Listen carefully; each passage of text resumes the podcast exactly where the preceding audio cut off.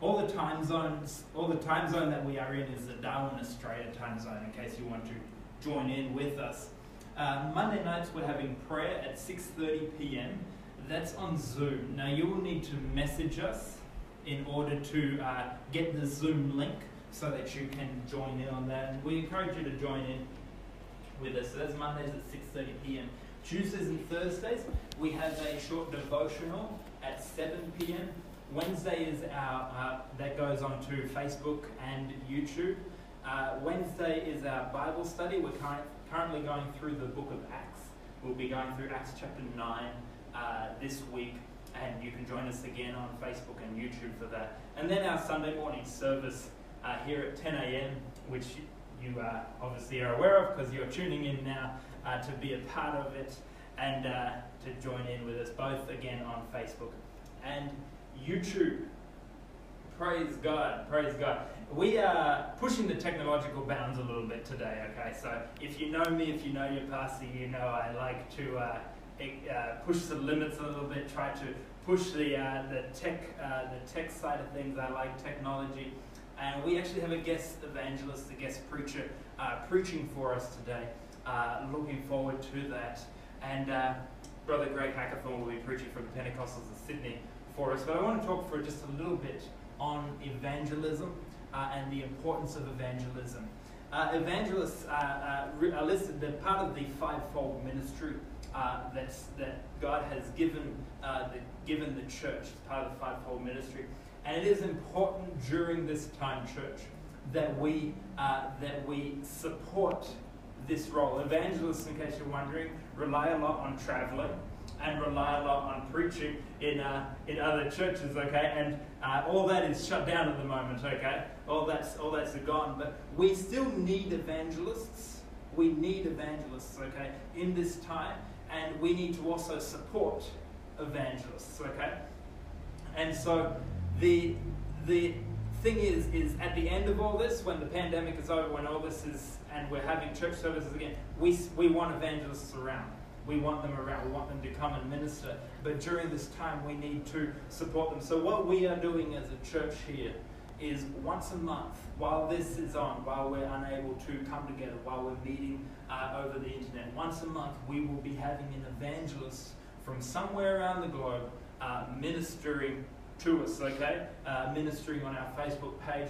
And on top of that, also, uh, evangelists don't also just travel and and, uh, and go to churches and, and, and, need all that, they also need to be able to put food on the table and, and provide for their families and everything. So uh, I encourage you, go to the link in the description to our website. You can give an offering there. And uh, we want to support our evangelists to ensure that when this is all over, uh, that aspect of the fivefold ministry is still uh, well, alive, and strong. But uh, thank you again for joining us. Thank you for uh, thank you for being here today.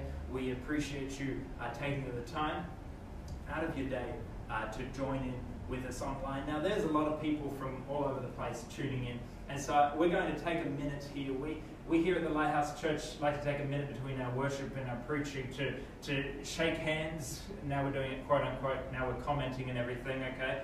Uh, to shake hands, to greet each other, and to uh, fellowship for a minute. So I encourage you for the next minute uh, while we put the timer on the screen for the next minute to uh, jump in the comments and let us know where you're tuning in from. Let us know where you're joining in from. Praise God. God bless.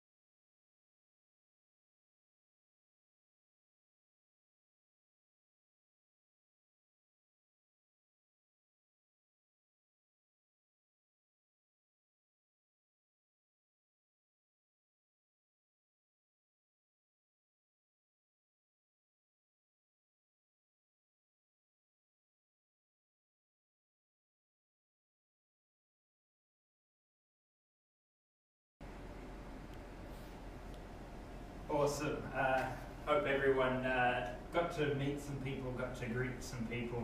Uh, it is important that we stay connected during this time. It is really important that we spend that time in fellowship, and that is one of the wonderful things about our prayer meeting on on, on uh, Monday nights is the connection there. Uh, and being with the Zoom, you can see each other's face. So we spend a little bit of time in fellowship and then go into prayer. So uh, thank you. Uh, jump in the comments if you have prayer requests, if you have anything, let us know in the comments. But let's open this morning's service. Let's, open this morning in prayer.